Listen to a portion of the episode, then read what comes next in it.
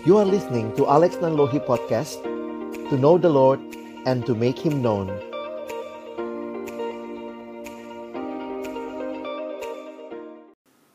Benar ya Tuhan, dunia tak bisa menjauhkan kami dari kasih-Mu. Karena itulah kami yang boleh mengalami kasih-Mu yang luar biasa. Biarlah kerinduan kami hanyalah hidup bagimu Tuhan melayani Tuhan dan sesama di dalam dunia milik Allah yang kau percayakan kami ada di dalamnya. Tuhan terima kasih untuk rangkaian Kemedis Nasional Mahasiswa yang Tuhan berikan bagi kami. Dan kesempatan ini ketika kami kembali akan belajar dari kebenaran firman-Mu, kami mohon ya Tuhan, biarlah waktu kami membuka firman-Mu, bukalah juga hati kami Jadikan hati kami seperti tanah yang baik supaya ketika benih firman-Mu ditaburkan itu boleh sungguh-sungguh berakar, bertumbuh dan juga berbuah nyata di dalam hidup kami. Berkati hambamu yang menyampaikan setiap kami yang mendengar, Tuhan tolonglah kami sekali lagi. Supaya kami bukan hanya jadi pen, pen, pendengar-pendengar firman yang setia, tapi mampukan dengan kuasa pertolongan dari rohmu yang kudus, kami dimampukan menjadi pelaku-pelaku firman-Mu di dalam kehidupan kami. Bersabdalah ya Tuhan kami umatmu sedia mendengarnya di dalam satu nama yang kudus, nama yang berkuasa, nama Tuhan kami Yesus Kristus. Kami menyerahkan pemberitaan firman-Mu. Amin. Shalom teman-teman sekalian, selamat hari Minggu. Saya bersyukur kepada Tuhan kesempatan ini kembali Tuhan menyapa kita melalui firman-Nya dan ini adalah sesi yang terakhir dari seluruh rangkaian Camp Medis Nasional Mahasiswa yang kita adakan secara virtual. Kerinduan saya bahwa ini bukan menjadi kesempatan terakhir kita belajar firman, tetapi apa yang teman-teman dan saya pelajari melalui eksposisi tokoh Daud, kita bisa terus boleh menggalinya semakin memahami dan juga menghidupi teladan yang indah ini. Saudara yang dikasihi dalam Tuhan Yesus Kristus, kita akan melihat hari ini sebagaimana juga tema dari camp medis kita, Leaders After God's Own Heart. Ini kerinduan yang kita sama-sama inginkan Tuhan genapkanlah ini di dalam kehidupan setiap kita. Di dalam Alkitab Daud menjadi tokoh yang dengan jelas dinyatakan dari beberapa ayat bahwa dia adalah leaders atau man after God's own heart. Saya mungkin tidak perlu mengulang, teman-teman sudah bisa melihatnya dan kita sudah mempelajari kehidupannya. Kita sudah belajar identity, spirituality, struggle, stories, pitfall. Dan hari ini kita mau melihat dalam kesimpulan tentunya ya, man after God's own heart. Salah satu bagian yang menuliskan ini di dalam kisah Rasul pasal yang ke-13 ayat yang ke-22. Di dalam penjelasan khotbah Paulus di Antioquia di Pisidia. Bagaimana Paulus menyampaikan tentang bagian ini. Setelah Saul disingkirkan, Allah mengangkat Daud menjadi raja mereka. Tentang Daud, Allah telah menyatakan, "Aku telah mendapat Daud bin Isai, seorang yang berkenan di hatiku dan yang melakukan segala kehendakku." Seringkali kita melihat ayat ini atau mungkin kalau kita pelajari seolah-olah kok Tuhan favoritisme ya. Dalam bahasa Inggris kalimatnya David, son of Jesse, a man after my own heart. Tetapi banyak yang mungkin tidak memperhatikan konteksnya sehingga kalau kita membacanya tidak di dalam konteks terlihat seolah-olah favoritisme yang terjadi. Tetapi kalau kita perhatikan after removing Saul sesudah Daud eh, atau sesudah Saul disingkirkan maka kita bisa melihat apa sih sebenarnya kesalahan Saul. Karena teman-teman juga kita bisa melihat man after God's own heart ini terkait dengan Saul juga. Kalau kita ingat ceritanya yang sudah beberapa kali diulang dalam camp ini, waktu itu Saul ya Kak Riris juga sudah bahas gitu ya, dia seorang yang sangat insecure nampaknya dan dia takut ketika orang-orang mulai meninggalkan dia sehingga bukan tugasnya mempersembahkan korban bakaran tetapi kemudian dia yang melakukan itu dia memberanikan diri di dalam ayat 12 dituliskan lalu perhatikan ayat selanjutnya. Kata Samuel kepada Saul perbuatanmu itu bodoh. Engkau tidak mengikuti perintah Tuhan Allahmu yang diperintahkannya kepadamu sebab sedianya Tuhan mengokohkan kerajaanmu atas orang Israel untuk selama-lamanya. Jadi inilah kesalahan Saul yang kita bisa pahami. Lalu lihat ayat 14. Tetapi sekarang kerajaanmu tidak akan tetap. Lalu Tuhan telah memilih seorang yang berkenan di hatinya. Jadi berkenan di hatinya jangan lupa ada konteksnya karena Saul sudah tidak taat dan tidak melakukan apa yang Tuhan kehendaki. Makanya Tuhan memilih seorang yang berkenan di hatinya dan Tuhan telah menunjuk dia menjadi raja atas umatnya. Perhatikan, ini reason yang menarik. Karena engkau tidak mengikuti apa yang diperintahkan Tuhan kepadamu. Nah, mungkin kita mulai lagi berpikir, emangnya Daud melakukan semua yang Tuhan mau? Daud bukanlah orang tanpa cacat, teman-teman. Tetapi dia dikatakan orang yang berkenan kepada Allah, a man after God's own heart. Kita pelajari kemarin dan sehari sebelumnya bagaimana dia tetap menjadikan Allah prioritas dalam hidupnya, bukan berarti dia tidak pernah gagal. Bahkan ketika dia gagal, hal yang menarik adalah ketika nabi Allah datang menegur dia bertobat. Jadi sebenarnya kalau kita perhatikan setiap kita yang mau hidup taat dalam apa yang Tuhan kehendaki, itu dikaitkan juga dengan man after God's own heart. Karena itu saya setuju ini bukan favoritisme kepada Daud semata. Walaupun memang Daud punya kualifikasi yang baik, ada hal-hal yang dia lakukan dengan luar biasa, tetapi dia juga manusia biasa. Maka saya setuju dengan seorang penafsir yang menuliskan kalimat ini. The man after God's own heart itu artinya dalam konteks Daud bahwa Daud akan menjadi pemimpin yang akan melakukan kehendak Tuhan dan apa yang menjadi tujuan Allah di dalam sebuah masa di dalam sejarah Israel. Jadi orang yang melakukan kehendak Allah. Sebenarnya itu yang teman-teman bisa pelajari waktu lihat ayatnya tadi. Nanti sekali lagi kalau baca kisah Rasul 13 ayat 22. Aku telah mendapat Daud bin Isai, seorang yang berkenan di hatiku. Nah kadang-kadang kita berhentinya di situ. Baca selanjutnya. Seorang yang berkenan di hatiku dan yang melakukan segala kehendakku. Jadi, ini bagian yang saya ingin kita sama-sama pikirkan untuk melihat bagaimana di generasi ini, di saat ini, teman-teman dan saya pun boleh berkata, "Tuhan, biarlah kehendakmu boleh jadi dan nyata melalui kehidupanku." Jadi, saya pikir Menarik sekali, panitia memilih tema ini. Kalau ini cuma buat Daud, kalau ini cuma buat Daud, ngapain kita bahas ya? Panitia kasih temanya Leaders After God's Own Heart. Berarti setiap kita yang mau taat, menjalankan kehendak Allah di generasi kita. Daud ada di Israel di dalam masa tertentu, saudara dan saya ada di masa ini untuk melakukan kehendak Allah.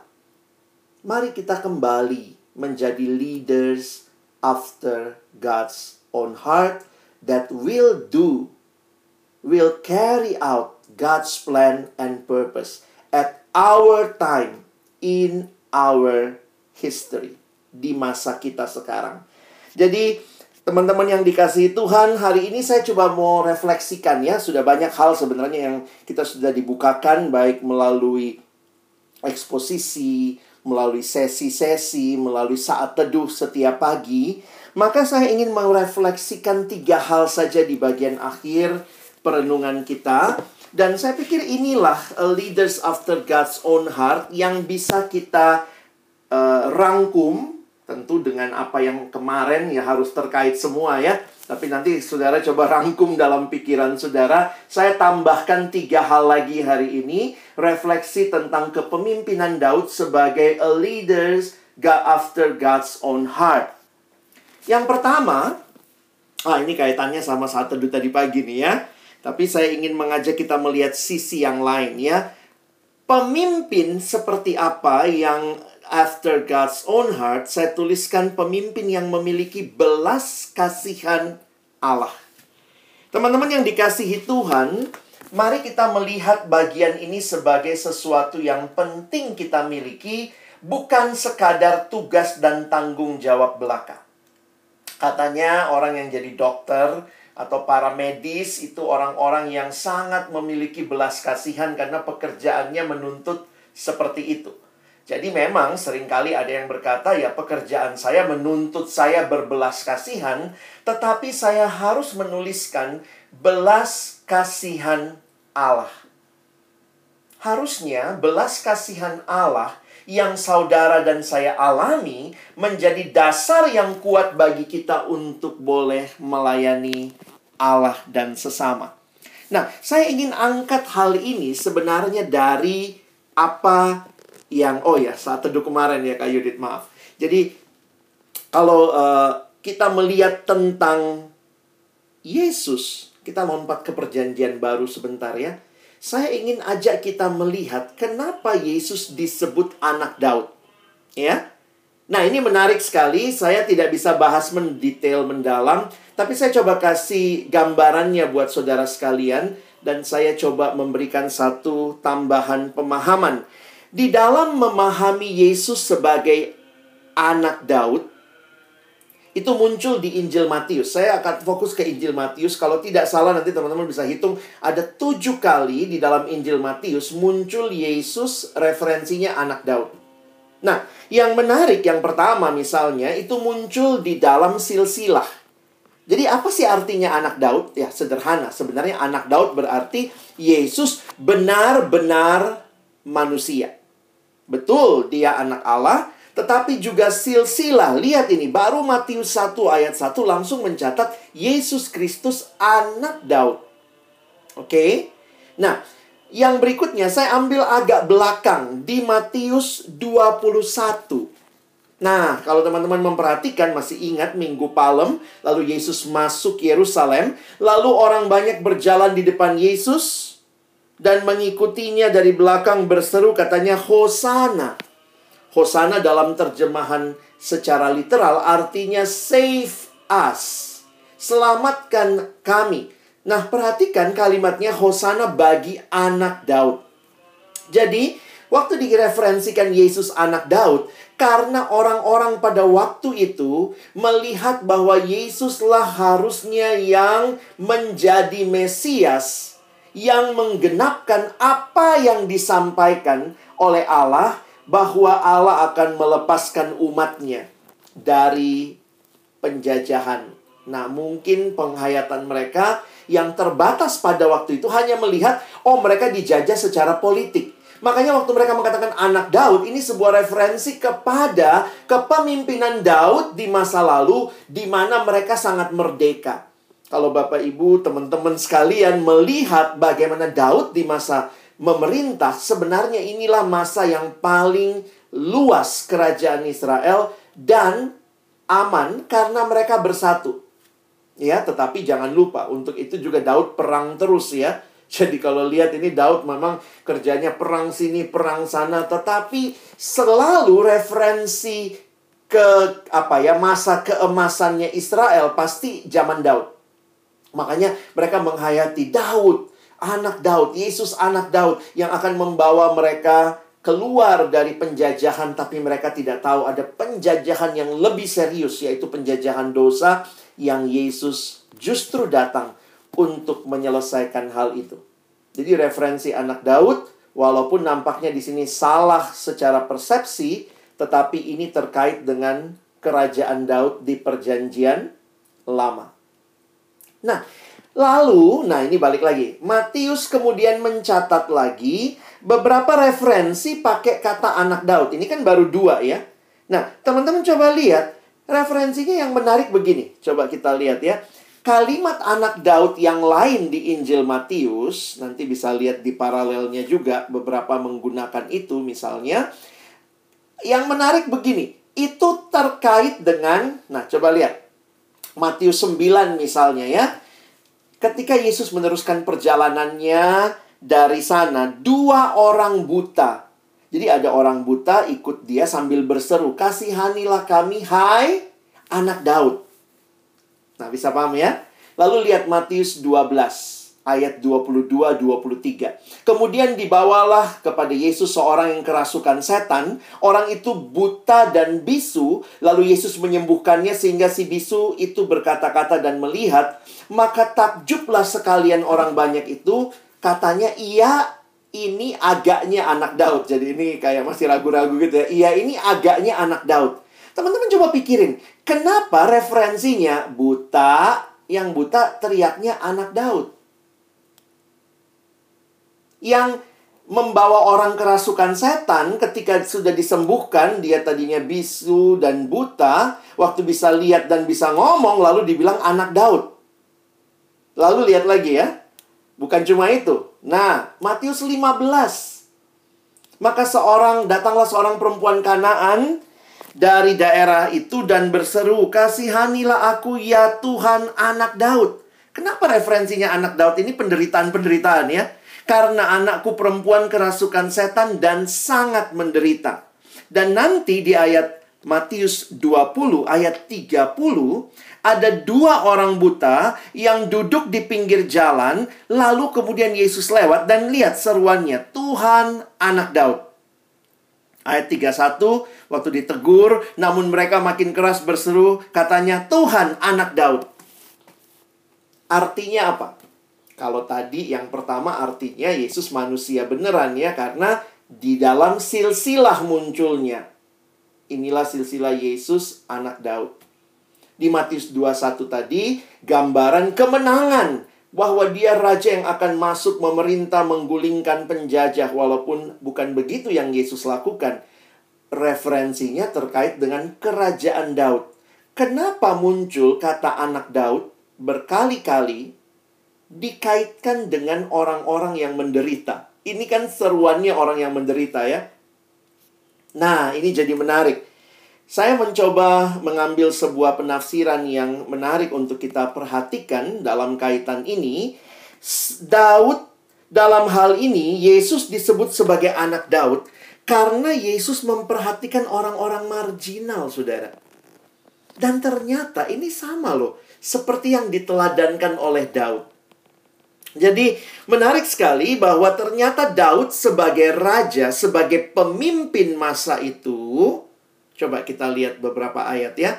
Ini refernya ke perjanjian lama, ke kitab 1 dan 2 Samuel. Contohnya, di 1 Samuel 22 ayat 2. Daud itu raja yang dekat dengan orang marginal. Berhimpunlah juga kepadanya. Jadi waktu dia ini sudah ini ya dalam pelarian sebenarnya tapi mereka mengaknowledge dia sebagai pemimpin, berhimpunlah juga kepadanya setiap orang da yang dalam kesukaran setiap orang yang dikejar-kejar tukang piutang, setiap orang yang sakit hati, barisan sakit hati ya, maka ia menjadi pemimpin mereka. Bayangkan nih, kalau bisa memimpin orang-orang marginal seperti ini, orang-orang yang ya orang sakit hati itu sebenarnya lebih sakit lagi gitu ya dalam arti sakit hatinya ada, mungkin fisiknya terpengaruh. Dan bersama-sama dengan dia ada kira-kira 400 orang. Teman-teman gak sedikit ternyata ya orang-orang yang marginal dan itu dekat dengan Daud. Memang tidak diceritakan bagaimana Daud memimpin. Ya ini yang sekali lagi kalau kita pelajari, ya nggak dikasih tahu persis. Tapi waktu saya mempelajari, mencoba melihat referensi Yesus anak Daud dan apa sih yang menarik? Kenapa yang Yesus lakukan itu dikaitkan sama Daud? Karena ini saudara, Daud itu dekat dengan orang-orang yang marginal, orang-orang yang kesulitan. Satu cerita lagi. 2 Samuel 9. Wah, ini ceritanya sederhananya begini ya. Daud tanya ya, coba lihat ayat 1. Berkatalah Daud, "Masih adakah orang yang tinggal dari keluarga Saul maka aku akan menunjukkan kasihku kepadanya oleh karena Yonatan. Jadi Daud tanya gitu ya. Jangan lupa, pada masa itu ini ingat sudah di 2 Samuel. Daud sudah jadi raja atas seluruh Israel. Tetapi yang menarik adalah kebiasaan raja pada waktu naik takhta, apalagi kalau bukan dari klan yang sama. Ingat, Daud suku Yehuda, Saul Benyamin, Lalu kemudian kan keturunannya Saul harusnya jadi raja gantiin Saul. Jadi ingat, raja pada waktu itu bukan berdasarkan periode. Setelah Saul, ya harusnya diganti Yonatan. Habis Yonatan, ya anaknya Yonatan. Maka ketika Daud menjadi raja, maka biasanya raja-raja pada waktu itu bereskan semua keturunan dari raja sebelumnya. Karena kalau tidak, bisa-bisa keturunannya mengambil alih tahta. Itu kira-kira gambaran kebiasaan pada waktu itu. Tapi Daud beda. Daud ingat dia bukan ingat Saulnya waktu waktu kita perhatikan sebenarnya dia dia sangat menghargai Saul sebagai orang yang diurapi Tuhan sehingga dua kali punya kesempatan membunuh dia tidak menggunakannya tetapi dia mengingat perjanjiannya dengan anak Daud anak Saul yaitu Yonatan wow Yonatan Kemudian dia tanya ya, ada nggak anaknya Yonatan atau dari keluarga Saul? Adapun keluarga Saul mempunyai seorang hamba namanya Ziba. Ia dipanggil menghadap Daud, lalu raja bertanya kepadanya, Engkaukah Ziba? Jawabnya, hamba tuanku. Kemudian berkatalah raja, tidak adakah lagi orang yang tinggal dari keluarga Saul? Aku hendak menunjukkan kepadanya kasih yang dari Allah. Waduh teman-teman, ini kalimatnya menyentuh banget gitu ya. Aku hendak menunjukkan kepada kasih yang dari Allah. Lalu berkatalah Siba kepada raja, masih ada seorang anak laki-laki Yonatan yang cacat kakinya. Ini bukan orang, jadi ini marginalized juga ya orang yang cacat kakinya. Teman-teman, singkat cerita, Mephiboset Mephiboset bin Yonatan bin Saul datang menghadap Daud sujud menyembah. Ini pasti ketakutan ini ya. Kata Daud Mephiboset, jawabnya, inilah hamba tuanku, Kemudian berkatalah Daud kepadanya, kelihatannya dia takut ya, karena itu kebiasaan waktu itu, matikan semua. Janganlah takut, sebab aku pasti akan menunjukkan kasihku kepadamu oleh karena Yonatan, ayahmu. Aku akan mengembalikan kepadamu segala ladang Saul nenekmu, dan engkau akan tetap makan sehidangan dengan aku. Wow, ini kasih yang luar biasa ditunjukkan kepada orang yang bahkan bukan siapa-siapa dan harusnya dimusnahkan. Makanya lalu sujudlah Mephiboset dan berkata, Apakah hambamu ini sehingga engkau menghiraukan anjing mati seperti aku? Wah ini harus ikut kelas konseling Kak Riris ini ya. Gambar dirinya jelek banget ya. Tapi poinnya yang menarik teman-teman sebenarnya dia mau mengatakan aku ini siapa gitu ya saya tidak layak mendapatkan kasih yang begitu luar biasa. Teman-teman, apakah engkau jadi pemimpin yang berbelas kasihan? Kalau lihat itu kalau seruannya tadi ya, coba lihat ya, yang buta, yang kerasukan, yang yang bisu tuli gitu ya. Saya mikir itu kayak seruannya ya dokter gitu ya. Ya perawat tolongin dong gitu ya. Dan memang betul untuk menjadi pemimpin yang berbelas kasihan itu kita hanya mungkin kalau kita sendiri telah menikmati belas kasihan Allah.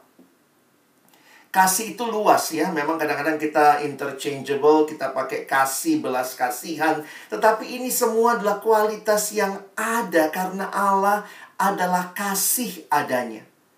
Hanya ketika engkau dan saya punya relasi dengan Allah, kita akan bisa melayani dunia ini dengan belas kasihan. Saya rindu kita diutus bukan diutus hanya jadi pemimpin yang rasanya dia berkuasa, dia punya segala-galanya. Gambaran pemimpin gampang sekali diselewengkan, tetapi pemimpin yang benar-benar memperhatikan orang-orang yang dia pimpin menjadi bagian yang penting. Satu waktu Santo Agustinus pernah ditanya, bagaimana bentuk dan rupa kasih itu? Lalu Santo Agustinus menjawab, kasih memiliki tangan untuk menolong orang lain. Kasih memiliki kaki untuk menghampiri mereka yang miskin.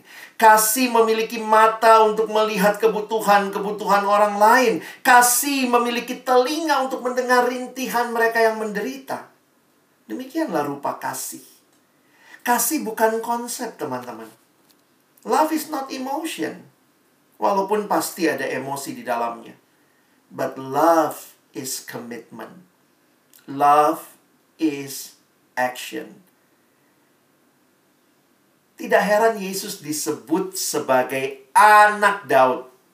Referensi yang kita lihat Daud di perjanjian lama. Yesus pun disebut anak Daud. Dan itu pasti jelas kelihatan dari hidupnya. Seringkali saya lagi mikir gitu ya, gimana? Kadang-kadang saya suka iseng saudara ya. Coba pikir, gimana waktu Yesus menyembuhkan orang banyak ya?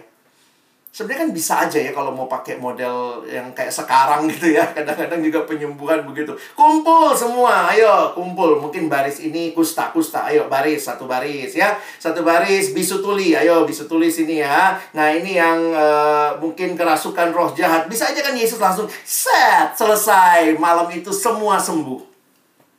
Tapi waktu saya mencoba merenungkan, kenapa Yesus menyembuhkan itu besoknya masih ada yang datang karena belum sembuh? Berarti penyembuhan yang dia lakukan bukanlah penyembuhan yang terjadi massal tanpa relasi. Tetapi nampaknya Yesus menyembuhkan satu demi satu. Belas kasihan bukanlah sebuah pertunjukan, tetapi belas kasihan adalah sebuah perhatian mendalam kepada setiap pribadi.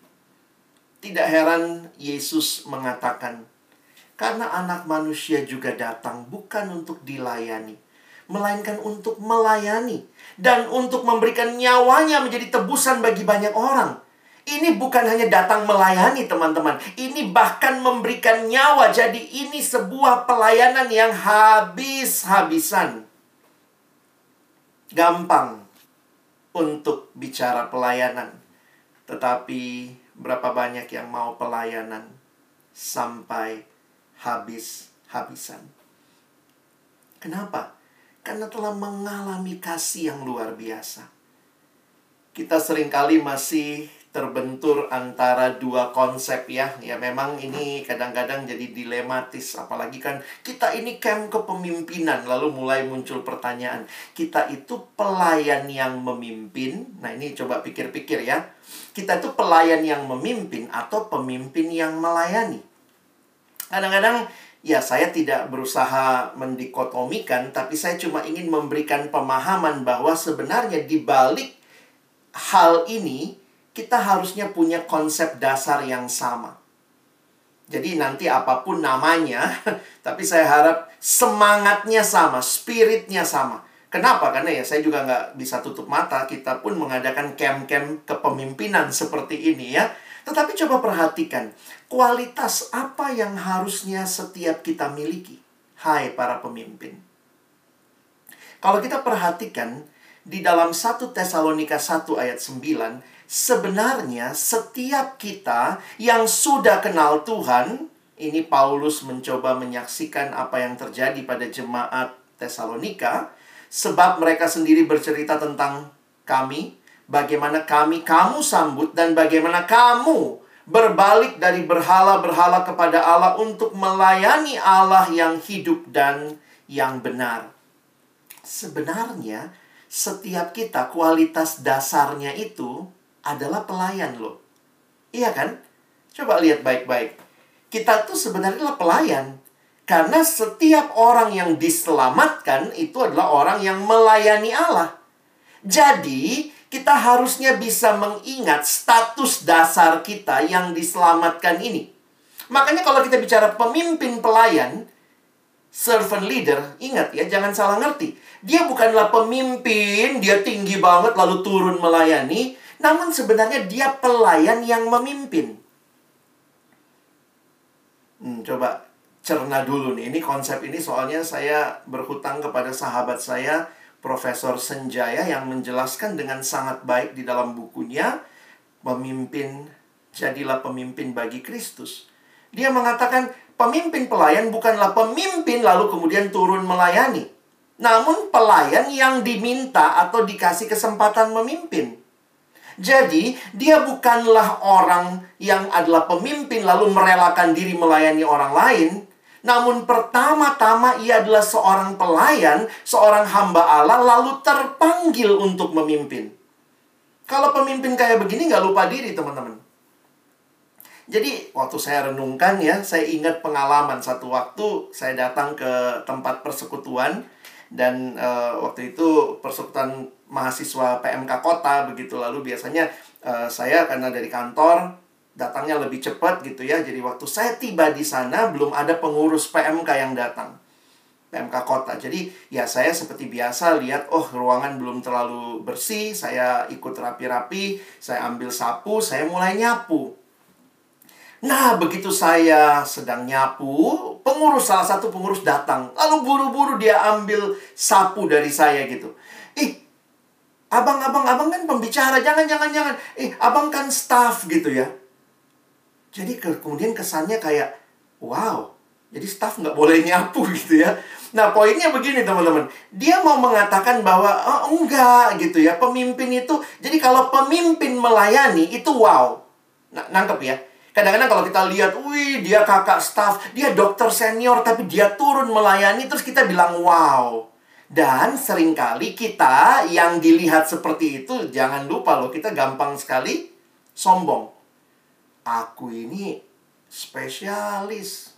Hmm, lihat nih aku melayani. Bisa jadi we take, take credit juga. Lihat kan, aku ini staff loh. Aku hamba Tuhan tapi aku mau nyapu. Hebat kan saya? Puji diri, haleluya. Itu kecenderungan kita. Karena itu di dalam kalimat-kalimat ini saya seolah-olah diingatkan status dasar saya bukan pemimpin. Tidak ada dari kita yang lahir langsung pemimpin karena semua kita yang lahir kita ada di bawah kuasa dosa dan waktu kita dimerdekakan kita sekarang adalah hamba Allah. Lalu hamba Allah ini ada yang dipanggil jadi pemimpin. Jadi satu-satunya yang seorang pemimpin turun jadi hamba itu cuma Yesus. Ya. Dia tuh pemimpin alam semesta, turun jadi hamba. Itulah Filipi 2. Itu cuma Yesus. Kita itu nggak ada yang kita tuh tinggi sekali lalu turun menghamba. No. Kita harus ingat baik-baik. Kita ini pelayan-pelayan Tuhan yang ketika engkau dan saya melayani itu sudah seharusnya. Paulus bahkan mengingatkan saudara-saudaraku, memang kamu telah dipanggil untuk merdeka, tapi jangan kamu pergunakan kemerdekaan itu sebagai kesempatan untuk hidup di dalam dosa, melainkan karena kamu sudah merdeka dari dosa, layanilah seorang akan yang lain. Ini kualitas dasar kita. Jadi kalau bicara servant leadership, saya harap kita jangan jadi dokter-dokter yang kemudian merasa dokter paramedik yang merasa oh saya ini tinggi sekali apalagi di masyarakat mungkin kita dilihat begitu tinggi posisinya lalu kita menghamba. Jangan lupa kita ini hamba yang dipanggil memimpin. Jadi sebenarnya bukan berapa banyak orang yang kita pimpin tapi ya kalau kita lihat struktur ya struktur PMK deh, nggak usah yang jauh-jauh, struktur di persekutuan. Ketua PMK, ketua persekutuan mahasiswa Kristen tuh di atas ya. Lalu kayaknya dia punya 30 anak buah di bawah. Sebenarnya kalau pakai prinsip ini, kita bukan punya 30 anak buah, kita punya 30 orang di bawah yang harus kita layani. Wah, di PMK saya ada 300 mahasiswa Kristen. Wah, saya membawahi 300 mahasiswa Kristen. Salah. Kamu melayani 300 mahasiswa. Kamu jongosnya. Karena kata yang digunakan itu budak, dulos.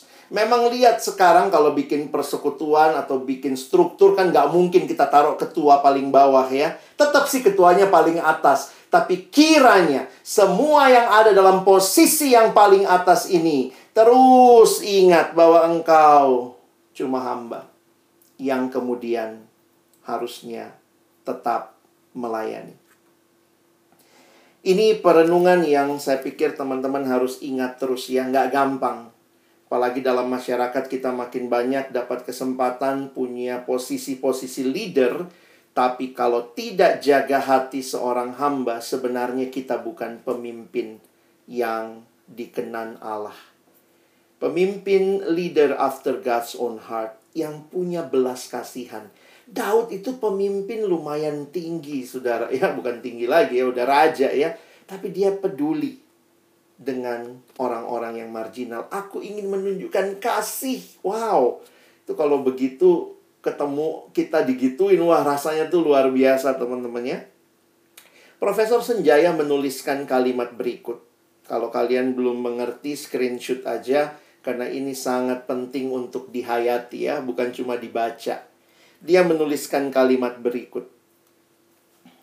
Memimpin adalah melayani namun melayani belum tentu memimpin. Ya dong, karena semua kita kan pelayan. Memimpin itu bisa jadi organisasi ya. Yang tidak mau melayani, tidak boleh dan tidak berhak memimpin. Dengar kalimat ini baik-baik. Hai pemimpin Kristen. Yang tidak mau melayani, tidak boleh dan tidak berhak memimpin. Pemimpin adalah pelayan. Namun pelayan belum tentu pemimpin, sekali lagi secara organisasi. Karena itu, yang tidak rela jadi pelayan tidak layak jadi pemimpin. Yang tidak rela jadi pelayan, sekali lagi, tidak layak jadi pemimpin. Dunia membutuhkan pemimpin pelayan yang mungkin secara status begitu tinggi sebagai seorang pemimpin tapi punya hati yang dipenuhi belas kasihan Kristus sehingga rela turun ke tempat yang paling bawah karena di situ dia harus melayani. Apakah ini kualitas pemimpin yang akan saudara bangun dalam hidup saudara? Yang kedua, kalau tadi pemimpin yang berbelas kasihan dan saya tuliskan tadi memiliki belas kasihan Allah. Maka berikutnya pemimpin yang menjalankan misi Allah. Masih ingat God's own heart tadi? Lihat kalimat ini. Dilanjutkan di kisah Rasul 13 ayat 36. Ada kalimat yang menarik. Sebab Daud melakukan kehendak Allah pada zamannya. Nah, ini sebenarnya lagi mau membahas tentang waktu itu Paulus lagi mau khotbahkan Yesus itu bangkit dari antara orang mati. Sebelum Yesus semua mati, kubur, dimati, dikuburkan ya, mati binasa. Tapi menarik sekali kalimatnya, sebab Daud melakukan kehendak Allah pada zamannya. Lalu ia mangkat dan dibaringkan di samping nenek moyangnya dan ia memang diserahkan kepada kebinasaan. For David had served God's purpose in his own generation.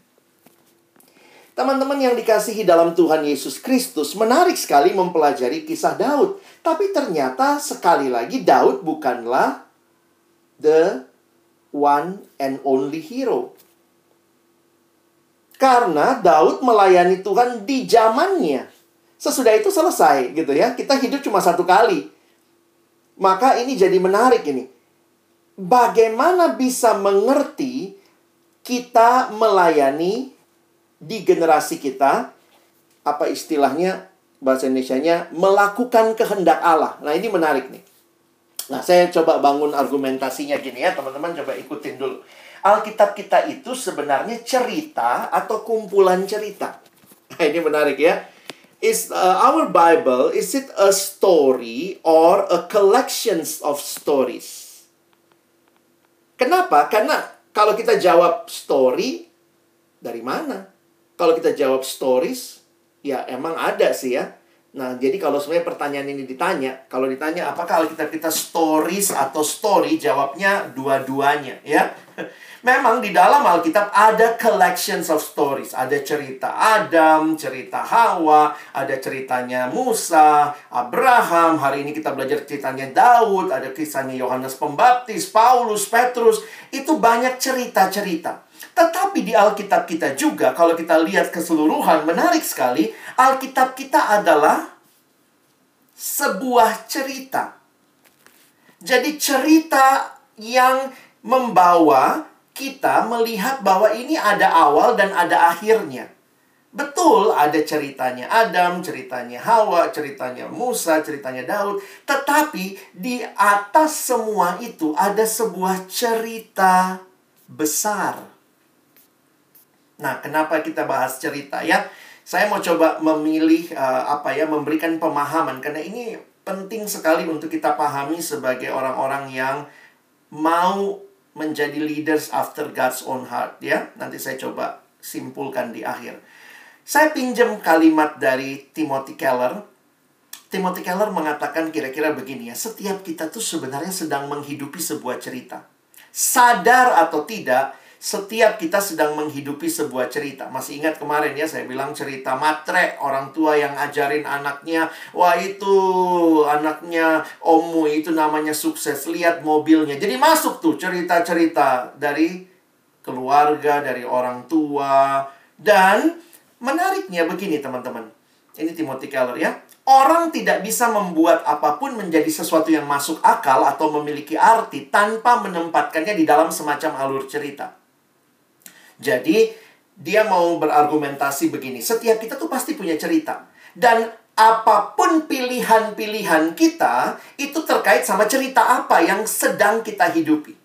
Contohnya begini, kalau cerita kita adalah uang, uang, uang, uang, maka semua pilihan, kenapa kamu sekolah? Ya uang, kenapa kamu spesialis? Ya uang, kenapa kamu ambil S2? Ya uang gitu. Jadi sebenarnya semua hal akan jadi meaningful kalau sebenarnya ada cerita besarnya. Kira-kira seperti itu. Nah, memang yang jadi pertanyaan, what story that shapes you? Cerita besar apa yang membentuk engkau?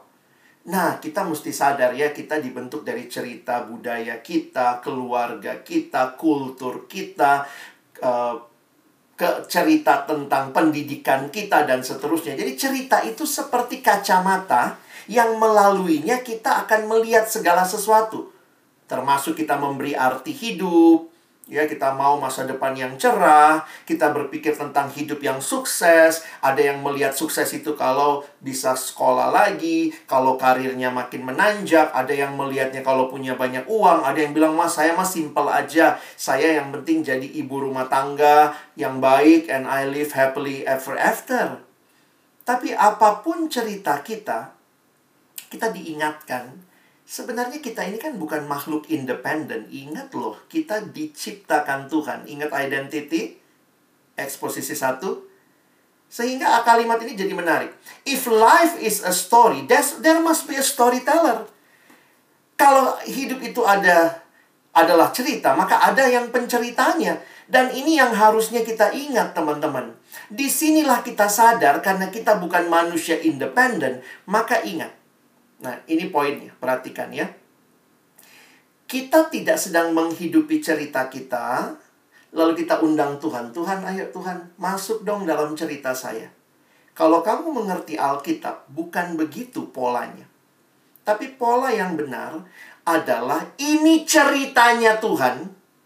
Lalu Tuhan mengundang engkau dan saya masuk ke dalam ceritanya. Beda banget kan? Yang satu kita berpikir, wah ini ceritaku. Ini my plan. Lalu Tuhan masuklah dalam ceritaku. Bikin ceritaku berhasil. Tapi ini ceritaku. Tapi kalau kita mengingat, this is not our story. Ini adalah ceritanya Allah, di mana Allah yang undang kita masuk ke dalam ceritanya. Wah ini bayangkan begini deh yang suka nonton drama Korea. Anggaplah penulis terbaik drama Korea sedang menulis sebuah naskah dan dia kemudian cari pemain. Wah waktu dia cari pemain, teman-teman kamu terpilih. Wah kamu jadi pemain dramanya terpilih. Setelah lewat seleksi yang ketat, kamu yang terpilih. maka dia kasih sama kamu naskah. Terus kamu mainkan naskah itu. Jadi sebagai pemain drama yang baik, kamu tidak sedang melakoni naskahmu. Bukan, ini is not your story. Ini naskahnya dia dan dia libatin kamu, kamu harus ikuti naskahnya. Kalau mau berhasil, ikuti naskahnya. Wah, itulah gambaran kira-kira yang kita harus pahami. This is not my story. This is not your story. Tetapi ini adalah cerita Allah yang mengundang engkau dan saya masuk ke dalamnya. Sehingga harusnya kita bisa melihat segalanya dalam, perspektifnya Allah. Nah, di sinilah kita bertemu dengan cerita Allah apa sih? Kalau Alkitab itu diperas, apa sih inti ceritanya? This is God's big story. Beberapa buku yang bisa menolong diterbitkan oleh perkantas yang suka baca bisa cari buku ini ya. Vaughan Roberts, Gambar Besar dari Allah. Menarik sekali dalam buku ini, Vaughan Roberts mencoba menggambarkan kisah besar Alkitab yang kalau diperes gitu ya, dia mengatakan sebenarnya cuma ada empat kisah utama. Ya, kita udah sering dengar ya. Creation, Fall, Redemption, dan Glorification atau Consummation, apa pun istilah yang kita pakai. Beberapa teolog lebih suka menggunakan istilah new creation. Menarik ya, bahwa Allah di awal itu mendirikan kerajaannya.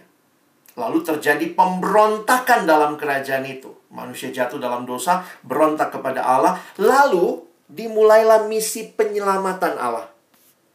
Dan akhirnya, karena misi penyelamatan Allah ini kan dimulai dari perjanjian lama. Allah memilih Israel, sang raja milik Israel, lalu sang rajanya datang sendiri, mati di kayu salib, bangkit, naik ke surga, lalu dia naik ke surga, lalu dia lanjutkan itu kepada murid-muridnya untuk memperluas kerajaan itu dan berjanji akan datang kali yang kedua. Jadi sebenarnya inilah cerita besarnya Alkitab. Coba kita sederhanakan. Saya meminjam lagi penjelasan dari Profesor Christopher Wright ya. Jadi Profesor Christopher Wright menulis buku ini, How to Preach and Teach the Old Testament for All Its Worth. Dia mencoba menggambarkan kalau tadi kita lihat ada empat ya. Dia coba mendetailkan. Dia bilang, kira-kira kalau kita mau detailkan Alkitab itu kayak sebuah drama dengan enam babak. The Bible is like a drama with six acts or stages. Nah, dia coba melihat begini. Coba teman-teman ya, kalau ada temanmu tanya, Alkitabmu tentang apa sih? Kamu bisa cerita dengan menggunakan simbol-simbol ini. Bayangkan, ini kamu bisa tulis di atas tisu, tisu lagi makan. Eh, Alkitab lu apa? Eh, ini gue jelasin ya. Nah, kita bisa tuliskan atau gambarkan enam simbol ini dan Christopher Wright bilang kurang dari satu menit kamu bisa jelaskan seluruh Alkitab. Apa sih intinya? Nah, dia coba kasih nama ya. Yang pertama ya panah ke bawah Allah mencipta, creation. Lalu manusia jatuh dalam dosa. Lalu kemudian nomor tiga, dimulailah Allah memberikan janji bahwa akan datang juru selamat. Yang keempat, datang juru selamatnya menebus redemption. Nah, yang menarik di sini nih ya. Lalu dia nomor 6 nih apa namanya? Paling gampang dia pakai istilah new creation. Kalau nomor satu creation, maka kali yang kedua sang raja datang akan terjadi new creation. Nah, teman-teman pertanyaannya begini. Kita sekarang ada di nomor berapa? Ayo, teman-teman kita nomor berapa? Nomor lima. Iya benar dong ya. Jangan bilang, oh nomor dua kak. Nomor dua, kamu di mana waktu itu? Oh, saya deketnya ular ya. Saya sempat selfie. Enggak ya. Kita ada di nomor 5. Apa judulnya nomor 5? Bapak Christopher Wright memberi judul This is Mission. Jadi kalau kita melihat cerita Allah, Allah punya cerita mulai dari creation sampai nanti new creation. Dan kita sekarang ada di nomor yang kelima. Dan ingat, ini bukan cuma cerita. This is not only story, ini Alkitab menyatakan kepada kita. Jadi sebenarnya teman-teman ingat, Sekali lagi, ini ceritanya siapa? Ceritanya Allah. Hidup kita ada dalam cerita besarnya Allah. Kalau begitu, engkau dan saya ada di sini untuk sebuah alasan. Dengan kita memahami cerita besar Allah, kita harusnya mengerti bahwa keberadaan kita, baik kehidupan kita, pekerjaan kita, ini bukanlah tanpa arti atau tanpa sebab. God's big story menempatkan kita sebagai partisipan dalam cerita besar Allah. Kita bukan penulis ceritanya, tapi Allah yang menuliskan ceritanya. Kita itu partisipan dalam cerita besar Allah. Apa yang kita lakukan harus dilihat dari dari sebagian dari keseluruhan kisah Allah dalam dunia ini. Kita berharga dan pekerjaan kita berharga. Jadi teman-teman kalau mimpimu cuma jadi dokter supaya kamu boleh memberikan skill terbaikmu yang kamu punya, kamu bisa kemudian jadi berkat untuk uh, rumahmu, keluargamu. Sebenarnya tidak ada yang salah dengan itu, tetapi cerita Allah lebih besar daripada sekadar kehidupan pribadimu. You need to find your place in God's story. Dan ingat, we are on a mission from God. Dan bagian kita participate in God's mission. Kenapa orang Kristen kita senang banget ngomong panggilan, panggilan, panggilan, panggilan? Kenapa? Karena kita tahu hidup ini bukan cuma jalanin biasa saja. Waktu kamu bisa kuliah, kamu nanti bekerja, kamu mungkin melanjutkan studi, kamu melanjutkan karirmu. Kita berada dalam panggilan Allah. We are participating in God's mission. Dan ingat, kalau bicara panggilan, bukan semata-mata jadi apa. Yang pertama dan terutama waktu engkau dan saya bicara panggilan, berarti ada yang ada yang manggil. Masa ngomong panggilan gak ada yang manggil? Di sinilah pentingnya kita kenal siapa Tuhan yang memanggil kita masuk dalam ceritanya. Kita bukan sedang menghidupi cerita kita, tapi dia membawa kita masuk ke dalam ceritanya. Dan karena itu, your study is in God's mission. Your life is in God's mission. Your profession is in God's mission. Your future should shape in God's mission. This is not your story and my story only, but this is God's story that included us. This is such an honor. Luar biasa ya Tuhan membangun ceritanya dalam dunia ini melibatkan engkau dan saya. Nggak kebetulan dong kita ditaruh di Indonesia ya. Ini memang begitu ya. Coba baca kisahnya Allah, itu selalu terkait sama bangsa. Makanya tadi kalau teman-teman melihat ya, Daud itu jadi raja di masa tertentu di sebuah bangsa tertentu. Jadi God's own heart-nya buat Daud ya di situ teman-teman dan saya kan nggak lahir di Palestina ya. Kita nggak lahir di Israel. Kita lahirnya di Indonesia, berkarya di Indonesia. Dan karena itu camp ini telah membukakan kepadamu berbagai bidang. Coba lihat, dalam bidang-bidang ini cerita Allah sedang berlangsung dan engkau dilibatkan. Ada di Urban Poor, Mission Hospital, dosen peneliti, instansi pemerintah, NGO, manajemen instansi kesehatan, neglected people, perawat lain-lain. Apa calling saudara? Kenapa kita mesti bicara calling? Karena kita bicara ini bukan rencana kita. Kalau cuma sekedar datang, selesai studi, jadi orang kaya raya, selesai, and live happily after after, whose story is that? Itu ceritanya siapa? Dan Tuhan bukakan di camp ini banyak hal ya. Camp ini luas sekali teman-teman ya. Saya sampai akhirnya berpikir gini, saya harap teman-teman bisa menangkap bahwa kalian dibukakan sebuah visi yang begitu besar yang Allah sedang kerjakan di bangsa ini. Kalian dengar cerita Urban Poor Mission Hospital kemarin dengar panggilan Dr. Hedwin, Dr. Christine, Dr. Maria, Dr. Rani. Saya waktu dengar semua itu kemarin, wow, Tuhan hatimu tuh luas banget Tuhan ya. Jadi kalau saya cuma cinta satu bagian, jangan bilang, wah saya yang paling penting ya. Karena ternyata hati Tuhan tuh luas banget teman-teman. Nah, cari tahu Tuhan mau engkau ada di mana di dalam luasnya hati Tuhan itu. Terus kamu bilang, bang, Saya masih sekolah, saya masih kuliah. Iya juga sih. Tapi kita perlu think globally, act locally. Berpikir menyeluruh, tetapi bertindak lokal di waktu tertentu. Nah, itu yang juga Pak Daud teladankan ya. Saya coba mikir-mikir, sekarang secara pribadi, secara konteks, teman-teman ada di mana? Ya ada di PMK lah ya, karena kan belum lulus ya, masih ada di persekutuan. Kenapa Tuhan hadirkan PMK medis ya di tengah konteks Indonesia? Kita sudah dibukakan begitu luas, tapi kita mau nggak mau nanti kan pulangnya nggak langsung emangnya ada selesai dari sini langsung jadi uh, apa pegawai di Kementerian Kesehatan belum kan kalian dokternya aja belum jadi lulus aja belum gitu ya Tuhan kenapa bukakan semua ini dan kenapa dia hadirkan PMK medis di tengah konteks Indonesia saya melihat ya Tuhan menempatkan kita di tengah-tengah untuk melihat ada konteks yang besar bangsa, kota. Jadi kalau kita lihat itu ya, ini kan semua saling terkait sebenarnya. Jadi kalau lihat visinya pelayanan mahasiswa, lahirnya mahasiswa-mahasiswa yang mengenal Kristus bertumbuh sebagai murid Tuhan yang setia, taat, dewasa, tangguh, menjadi teladan, sehingga jadi alumni yang menjadi berkat bagi keluarga, gereja, bangsa, dan dunia. Wow, ini besar banget.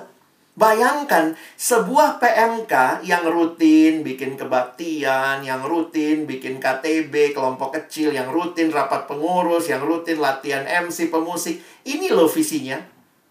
Besar sekali. Untuk jadi berkat bagi keluarga gereja bangsa dan dunia. Karena itu saya melihat pemimpin dalam PMK, PMK ini pabriknya gitu ya.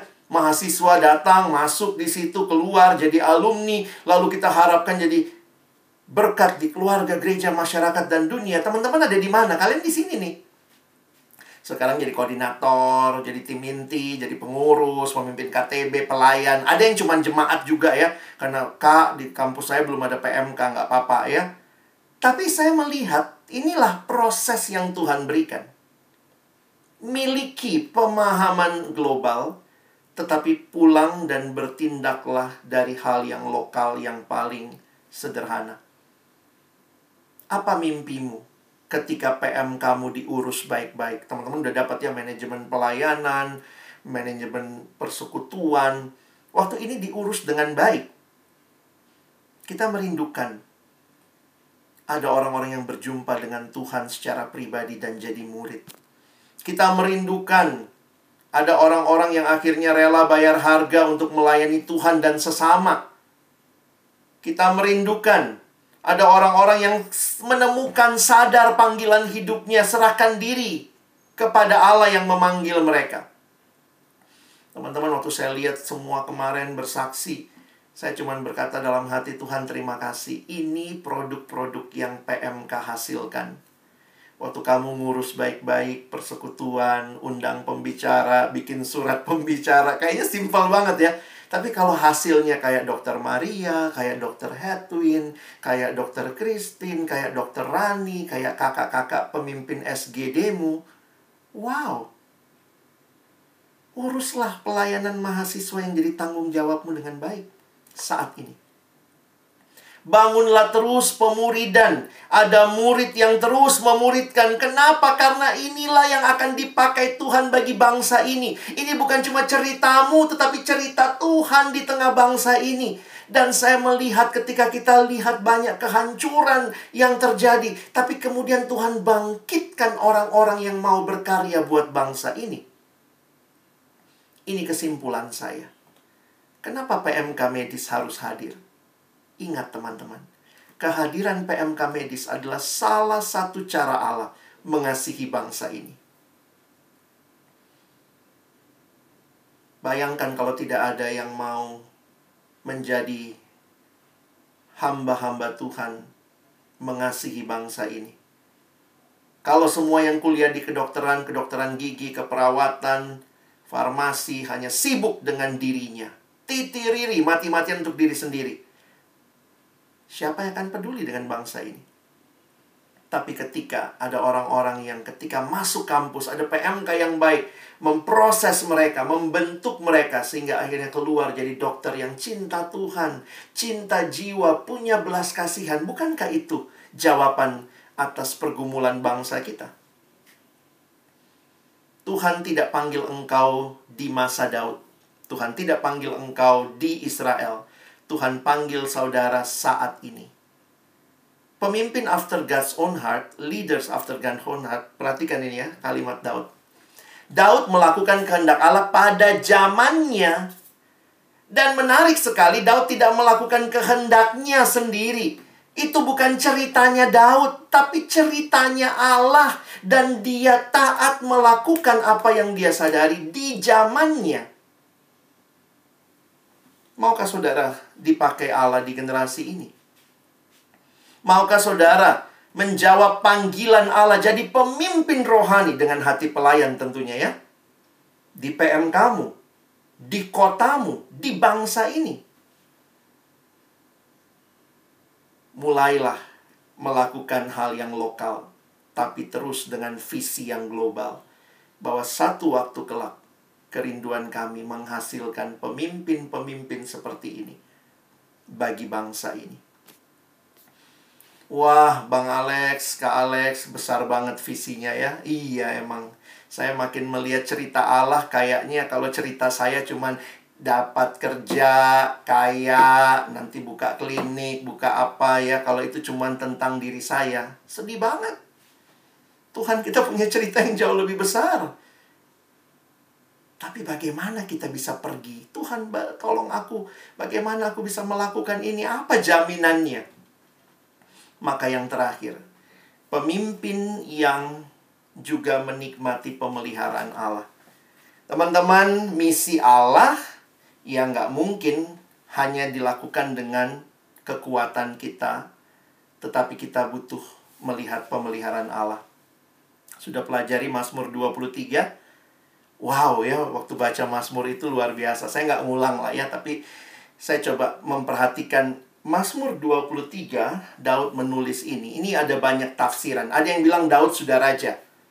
Ada yang bilang Daud belum raja mau sudah raja tapi mau sudah raja kah mau belum raja karena memang kalau sudah raja itu jadi lebih kagum lagi kita ya bayangkan raja bisa ngomong begini Tuhan adalah gembalaku takkan kekurangan aku raja itu kan nggak kekurangan apa-apa ya tapi dia masih bilang lagi Tuhanku itulah gembalaku nah Daud menuliskan Mazmur tentang Tuhan sebagai gembalanya dan sebagai tuan rumah. Nanti bagian bawah soalnya ada itu ya, engkau menyediakan bagiku hidangan di hadapan lawanku.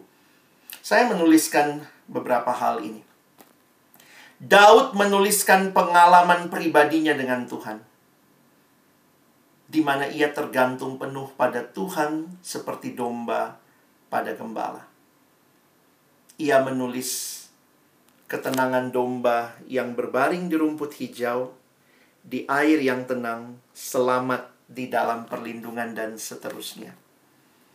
Apa yang dituliskan dalam seluruh Mazmur 23 dilatar belakangi pengalaman yang panjang hubungannya dengan Tuhan Sang Gembala yang menyediakan kebutuhan kebutuhan hidup dan yang melindungi dari rasa takut dan bahaya.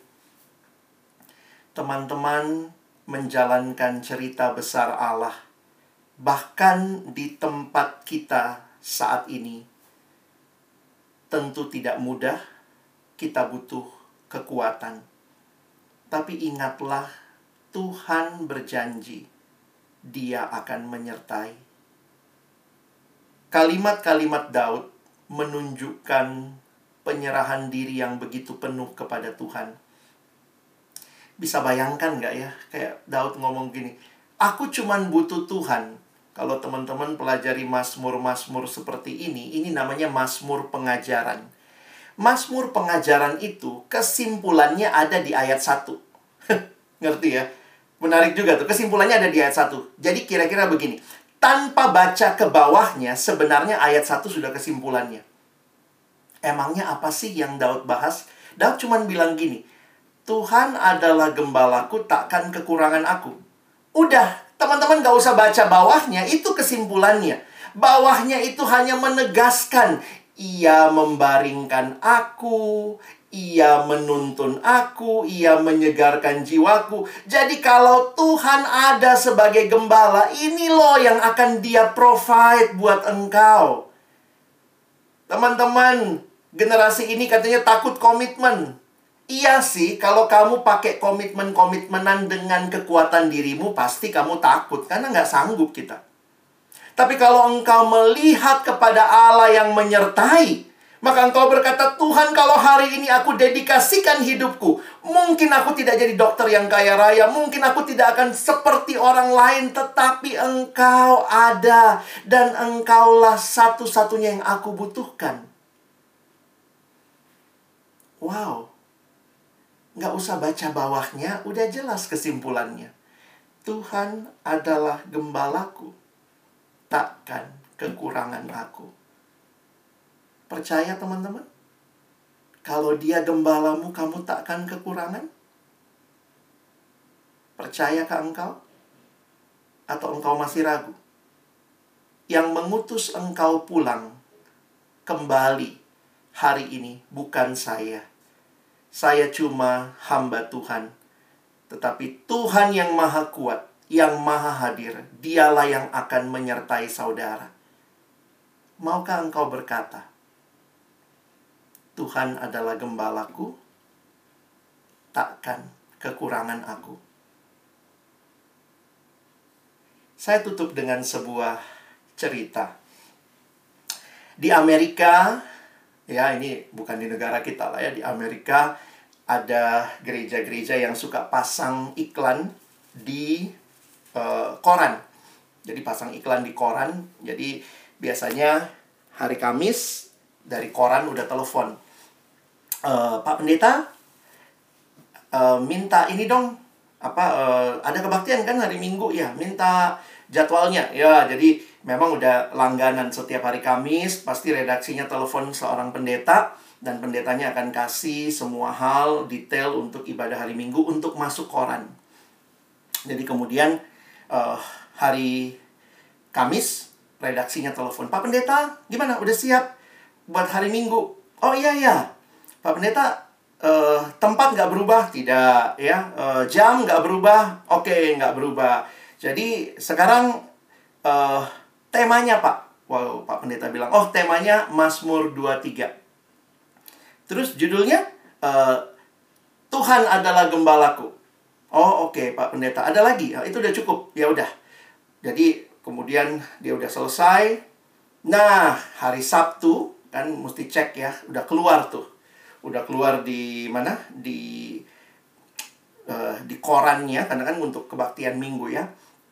Jadi ketika pendetanya cek hari Sabtu wah dia cek oh ya tempat nggak berubah jam nggak berubah udah ditulis semua. Pembicara juga sudah ada nama dia sebagai pendeta tapi kaget pendetanya pas lihat temanya. Hah? Kaget pendetanya waktu lihat temanya di dalam temanya itu tertulis Tuhan adalah gembalaku itu sudah cukup. Ternyata bagian akhir itu dimasukkan dan justru ini menjadi tema yang tidak terlupakan. Tema yang sudah memberikan kesimpulan. Tuhan adalah gembalaku, itu sudah cukup. Teman-teman yang dikasihi Tuhan, camp ini harus selesai. Karena engkau dan saya akan kembali ke dalam keseharian kita. Menjadi leaders after God's own heart yang taat dengan belas kasihan Allah. Bukan menjalankan misimu sendiri, tetapi misi Allah. Dan penyertaan Tuhan, seperti yang Daud katakan. Tuhan adalah gembalaku. Kita tambahin ya. Itu sudah cukup. Mari ambil waktu berdiam diri sebentar sebelum saya akan menutup dan memberikan beberapa pertanyaan untuk menantang saudara sekalian mendedikasikan hidup kepada Tuhan. Mari kita ambil waktu tenang sebentar di hadapan Tuhan. Berdoalah. Apa saja yang Tuhan sudah nyatakan melalui camp ini. Mimpi besar, visi besar, misinya Allah. Dan bagian yang saudara dan saya harus kerjakan mulai dari sekarang. Berdoalah kepada Tuhan.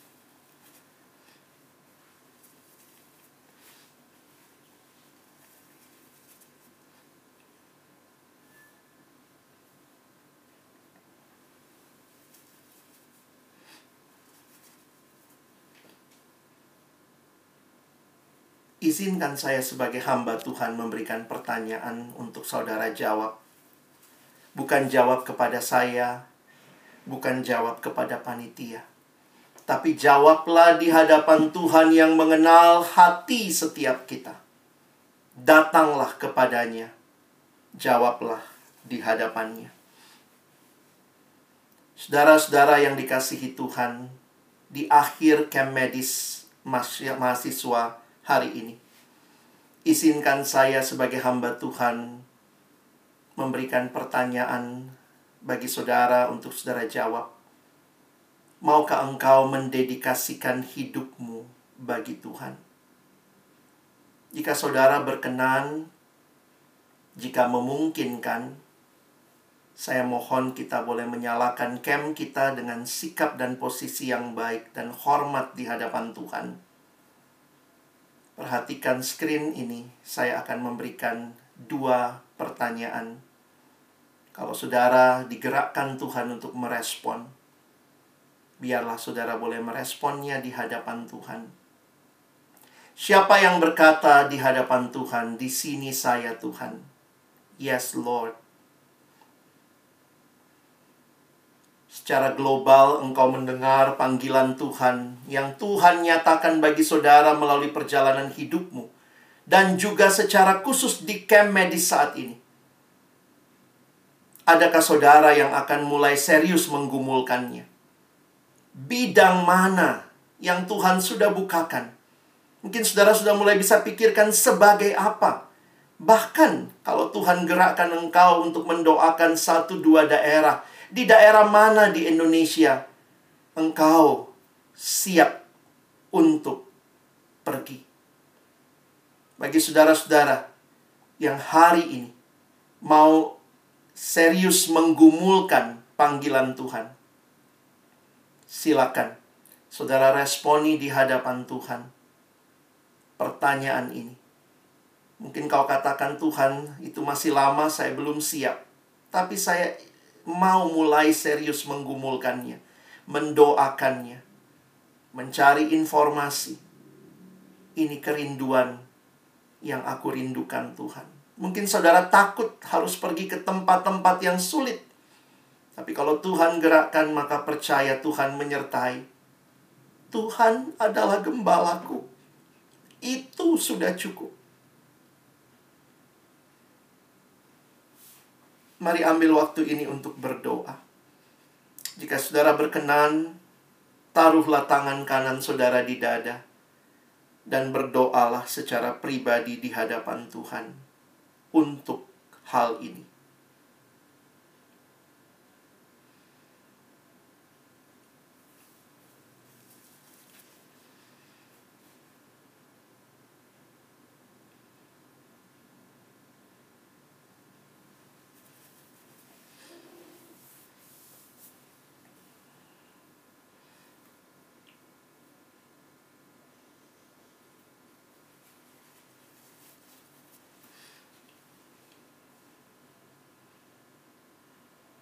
Tuhan tolong kami mendedikasikan hidup kami, masa depan kami kepadamu. Pertanyaan saya yang kedua. Saat ini, Tuhan juga bekerja di dalam dan melalui kehidupan saudara. bukan hanya secara global apa yang ke depan, tetapi saat ini adakah komitmen yang akan saudara lakukan untuk membangun kehidupan rohanimu secara pribadi? Mimpi yang besar tadi tidak dicapai dengan kekuatanmu sendiri. Menjadi berkat bagi bangsa, menjadi berkat bagi dunia. Sudahkah engkau hidup di dalam Tuhan? Jika ada komitmen yang mau saudara ambil untuk hidup rohanimu pribadi. Yang mau saudara ambil untuk kelompok kecil, kelompok KTB saudara. Bagi saudara yang mungkin mengambil komitmen di PMK saudara sebagai pengurus, sebagai pelayan, atau mungkin di kota saudara, kalau belum ada pelayanan kampus, maka saudara rindu merintis, membangun apa yang saudara akan lakukan supaya lebih banyak orang lagi yang dibentuk di dalam pelayanan mahasiswa medis untuk membangun bangsa ini. Itu bukan nanti, tetapi hari ini. Setelah camp ini, apa yang Tuhan gerakkan untuk saudara bangun bagi dirimu pribadi dan bagi PM kamu.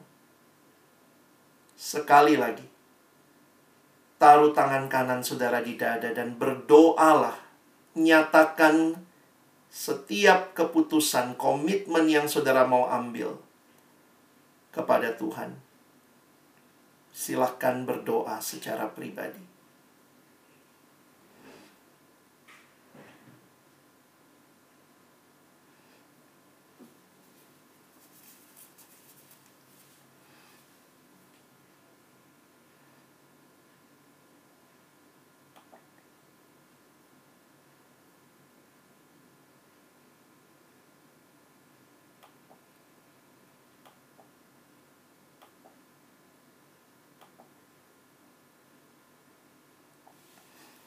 Saudara-saudaraku yang dikasihi Tuhan, di akhir seluruh rangkaian camp medis ini, izinkan saya sebagai hamba Tuhan mendoakan saudara dan mengutus saudara kembali di dalam nama Tuhan Yesus Kristus. Bapa di dalam surga kami bersyukur untuk kasih dan anugerahmu. Setiap kami yang mendedikasikan hidup kami kepada Tuhan. Terimalah ya Tuhan. Biarlah sebagaimana Tuhan memakai Daud di zamannya Pakailah kami sekali lagi Tuhan melakukan kehendakmu, ceritamu yang besar. Berikan kami hati yang penuh belas kasihan. Supaya kami memandang setiap ladang yang Tuhan bukakan bagi kami. Dengan belas kasihan ilahi. Dan Tuhan yakinkan kami akan janji penyertaanmu yang tidak berkesudahan di dalam kehidupan kami. Meyakini bahwa engkau Allah yang tidak pernah meninggalkan kami. Engkau Allah yang senantiasa bersama dengan kami. Engkaulah gembala hidup kami. Biarlah setiap kami boleh kembali dan berkata, "Tuhan adalah gembalaku." Itu sudah cukup. Saudara-saudara yang dikasihi Tuhan, pergilah di dalam kasih Tuhan membangun dirimu, membangun bangsa ini bagi kemuliaan Tuhan. Arahkan hatimu kepada Tuhan dan terimalah berkatnya. Tuhan memberkati engkau dan melindungi engkau. Tuhan menyinari engkau dengan wajahnya dan memberi engkau kasih karunia. Tuhan menghadapkan wajahnya kepadamu dan memberi engkau damai sejahtera sampai selama-lamanya. Amin.